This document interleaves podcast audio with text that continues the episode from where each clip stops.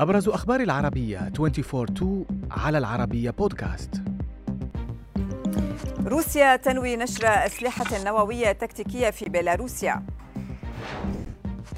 إعصار ميسيسيبي في أمريكا خلف عشرات القتلى. ضغوط على نتنياهو من داخل حزبه لتعليق التعديلات.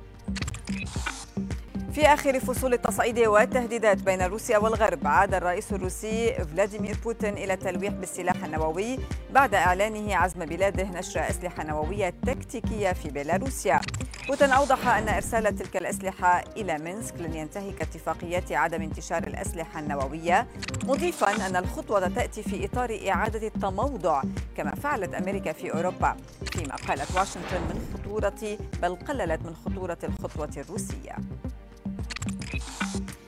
25 قتيلا على الأقل وعشرات المصابين خلفهم إعصار مدمر اجتاح ولاية ميسيسيبي الأمريكية ما دفع بالرئيس جو بايدن إلى إعلان حالة الطوارئ في الولاية الواقعة جنوب الولايات المتحدة.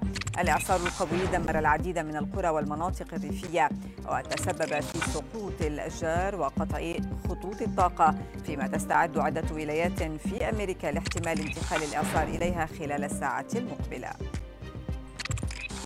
انقسام حاد يشهده حزب الليكود الإسرائيلي الذي يتزعمه رئيس الوزراء بنيامين نتنياهو ما بين مؤيد ومعارض لوقف تمرير خطة الانقلاب القضائي التي أثارت جدلا وانقساما. واحتجاجات ضخمة ضد الحكومة.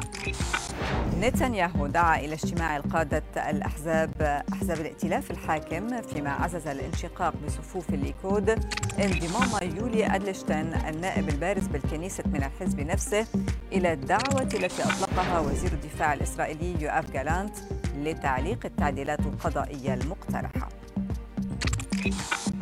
توقيتان مختلفان استيقظ عليهما اللبنانيون اليوم وسط خلاف متصاعد بين السلطات السياسية والدينية بشأن قرار تمديد العمل بالتوقيت الشتوي لمدة شهر إضافي.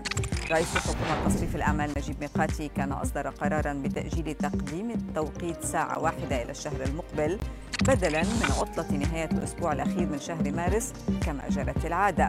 الأمر الذي أثار جدلا واسعا حيث أعلنت بعض القوى السياسية رفضها للقرار نختم من عالم تكنولوجيا حيث يختبر تطبيق المحادثة الشهير واتساب ميزة جديدة تمكن مستخدمي هواتف آيفون من تبادل الرسائل المرئية القصيرة والتي ستكون مشفرة من طرف إلى طرف لضمان الخصوصية.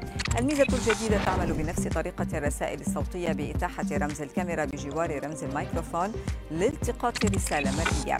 ومن المتوقع أن تكون مدة الرسائل 60 ثانية فقط دون السماح بحفظ أو إعادة توجيه تلك الرسائل.